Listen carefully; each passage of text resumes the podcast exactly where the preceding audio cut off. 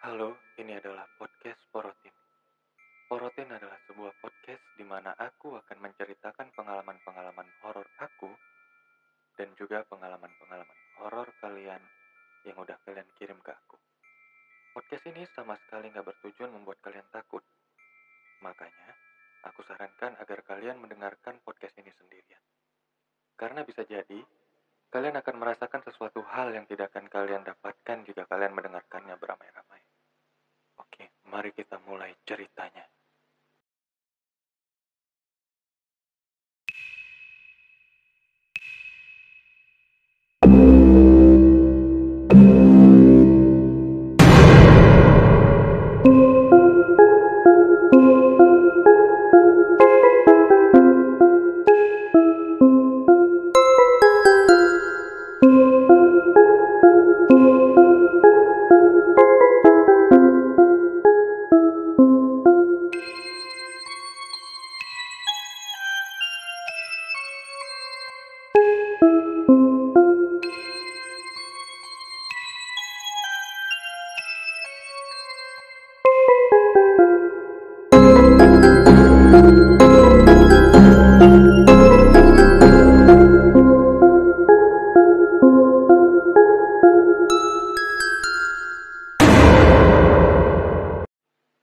Oke, kembali lagi di Porotin, podcast horor nggak nakutin.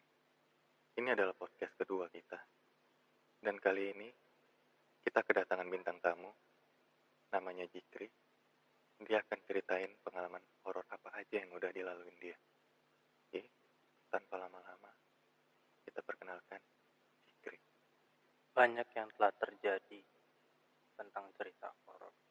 Hanya ada salah satu yang paling terasa hingga sekarang masih sering pada tahun 2014.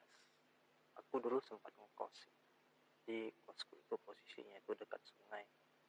Tahulah kalau posisinya di dekat sungai itu pasti ya banyak pohon-pohon bambu ya. Jadi ada suatu malam aku turun ke pinggir sungai. Jadi di sungai itu ada jembatan. Ya mungkin kalau warga Medan ya mungkin tahu dan sering lewat di situ. Kebetulan itu dekat sebuah hotel bintang 5. Jadi di situ tanpa sadar aku tiba-tiba melihat ke arah jembatan. Aku melihat sosok wanita berbaju merah dengan rambut panjang sampai sepinggang. Lalu aku memanggil, Hei, sedang apa di sana? Dengan aku memanggil. Lalu dia tiba-tiba pergi. Setelah kejadian itu, lalu aku masuk ke kamar kos. Kamar kosku teringat dengan kejadian tadi, aku tiba-tiba tertidur. Tepat pada jam 10 kamar kosku digedor-gedor. Kamar kosku digedor-gedor ya karena kamar kosku itu bagian luar terbuat dari seng ya pasti tahulah suara seng digedor bagaimana ya. Jadi aku terbangun lalu aku mendapat teguran. Ya aku sebenarnya sih orangnya memang ya dari dulu memang aku tahu untuk hal-hal yang seperti itu. Ya aku mungkin agak uh, sedikit tahu untuk hal dari kecil aku seperti itu. Jadi aku ditegur. Jangan dekat. Itulah yang disampaikan. Setelah aku telusuri ternyata yang memberi teguran itu adalah penunggu di pohon bambu. Sosoknya hitam berbulu dengan tanduk di sebelah kiri lalu dengan taring yang keluar arah atas. Selesai kejadian itu tidak ada kejadian apa-apa lagi, hanya sering mendapat rasa panas kalau misalkan mau tidur sampai selama satu minggu. Dan ya setelah satu minggu ya tidak ada kejadian apa-apa lagi. Terima kasih. Nah, berarti untuk pertama kalinya ngelihat itu kan Dulu ceritanya ini kakakku ini eh, pergi kemah, eh, kemah camping ke kuburan kuburannya salah satu kuburan di kota Medan. Jadi di situ aku nggak tahu banyak ceritanya namanya dia keteguran di situ. Dia keteguran lalu kakinya lumpuh. Keluarga kami mendatangkan paranormal orang pintar tersebut untuk mengusir apa yang ada hingga pada kakakku. Jadi pada saat itu aku tanpa sadar melihat bahwa di rumahku itu banyak monyet yang bergelantungan di langit-langitnya setelah ditangkapin lah sama paranormal itu ke dalam batu kelapa dia juga menangkap ada sosok harimau sebanyak tujuh ekor. Nggak tahu dapat kiriman dari mana. Saat aku melihat dia menangkap itu dari sebuah kendi lah kita sebut ya tempat pembakaran. Emasnya dia menarik menggunakan tali tapi warnanya berkilau seperti emas. Itu aku melihat dan aku bertanya pada paranormalnya apa yang ditangkap itu? Opung sebutnya. Apa yang ditangkap itu opung harimau. Lalu di situ orang tua aku langsung menarik menarik dan bertanya benar apa yang dilihatnya itu opung? Iya benar apa yang dilihatnya harimau. Itu pung tahu itu warna talinya kayak emas ya. Yaitu kayak emas itu memang emas. Saat dilihat dengan mata batin. Ya kamu kan masih kecil jadi kamu mungkin masih bisa melihat hal-hal seperti itu. Karena ya pada umumnya anak-anak di bawah umur 4 tahun itu itu pasti bakal melihat seperti itu. Dan nyatanya hingga pada akhir 2018 kurasakan aku masih dapat melihat-lihat hal-hal yang seperti itu. Bahkan aku melihat di salah satu wilayah di kota Medan itu ada sebuah kerajaan. Kerajaan makhluk halus ya dan aku tidak rekomendasikan sebenarnya untuk mengucapkan karena mungkin ya banyak lah orang yang tinggal di situ. Kalau misalnya sebutkan mungkin orang pada takut ya tinggal di situ gitu. Gitu. Akhir 2018 posisinya kamu bisa melihat itu kecil ya? Iya kecil nah untuk di rumah kamu sendiri kejadian apa aja sih yang udah pernah kamu alami? Wah banyak kalau misalnya di rumah. Di belakang rumah itu ada pohon pisang empat batang pohon pisang. Jadi setiap malam. Ini sebelum akhir tahun 2018 ya. Setiap malam itu selalu ngobrol dengan penghuni pohon pisang itu. Dan juga di belakang itu di agak ke kanannya agak ke kanan itu di situ ada pohon belimbing. Di situ ada sekitar empat eh, empat. Jadi di pohon belimbing itu empat makhluk itu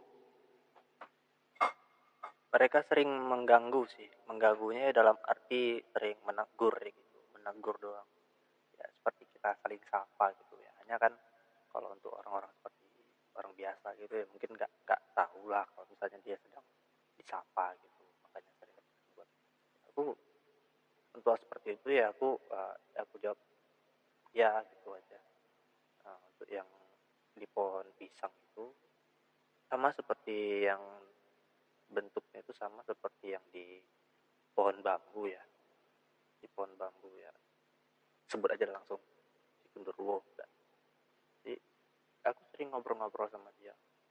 Bahkan abangku ya pernah tidur di atas. Aku tidur di lantai dua rumah jadi dia tidur di situ dia ditimpa.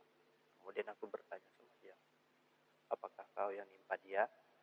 Kemudian dia menjawab bukan aku tapi tetangga yang di pohon belimbing. Cewek cantik. Itu ya sih merasa lucu dengar di situ ya karena dia bisa menyebutkan cewek cantik di situ. Nah, oke.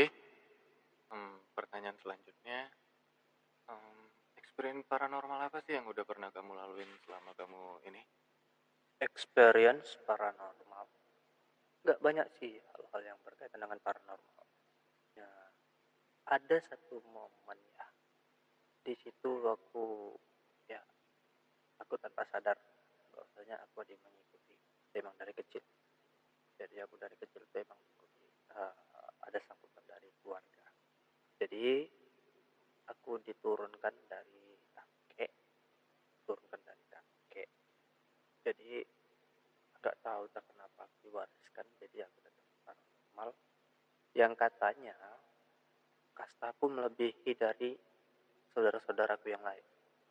Aku lebih tinggi makanya eh, dia diikutkan ke aku ya. Dia ngikut ke aku kan dan harapannya semoga aku menggunakan itu dengan bijak. Namun dengan hal seperti itu aku malah dijauhi dari teman-temanku. Makanya aku mau berpikir lebih baik aku nggak usah punya hal seperti ini daripada aku nggak punya kawan. Oke. Jadi aku dulu sempat pernah dengar bahwasanya kamu itu pernah menutup mata itu, lalu ada keinginan untuk buka lagi. Alasannya apa? untuk yang pertama ya kenapa aku menutupnya karena aku rasa aku ingin jadi manusia normal ya karena ya ibaratnya begitu kita sedang teman tahu-tahu dari jauh kita ngelihat ada yang melihat kita gitu ya kayak mana manusia melihat manusia gitu hanya kan ini makhluknya halus. Jadi begitu aku tanyakan ke teman-teman eh kalian lihat itu itu nggak ada yang lihat gitu. Jadi tiba-tiba dia menghampiri gitu kan aku jadi canggung sendiri gitu. Karena di antara perkumpulan manusia aku hanya sendiri yang melihat hal seperti itu. Jadi aku ngerasa pengen hal yang seperti itu untuk dibuang lah. Aku tutup aja daripada aku melihat hal seperti itu mengganggu kehidupanku sehari-hari. Untuk yang kedua aku sebenarnya nggak ada niat untuk membuka ya. Aku nggak ada niat untuk membuka lagi. Hanya saja sampai sekarang ini aku masih merasakan bahwasanya di situ memang ada hawa negatif seperti apa hawa positif seperti apa apakah dia ingin berteman atau dia emang mengganggu tahu makanya aku menyebutnya dengan insting. Jadi Oke, itu adalah salah satu cerita horor dari teman kita. Buat kalian yang ingin berbagi cerita horornya, silahkan kirim ke email aku. Pasti aku ceritain.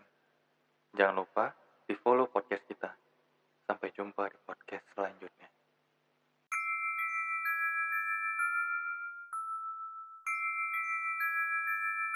Halo,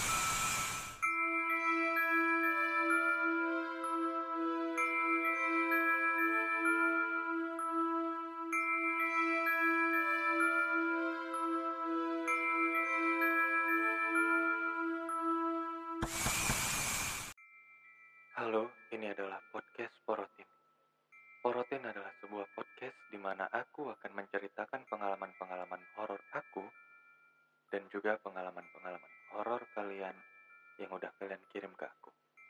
Podcast ini sama sekali nggak bertujuan membuat kalian takut. Makanya, aku sarankan agar kalian mendengarkan podcast ini sendirian. Karena bisa jadi, kalian akan merasakan sesuatu hal yang tidak akan kalian dapatkan jika kalian mendengarkannya beramai-ramai. Oke, mari kita mulai ceritanya.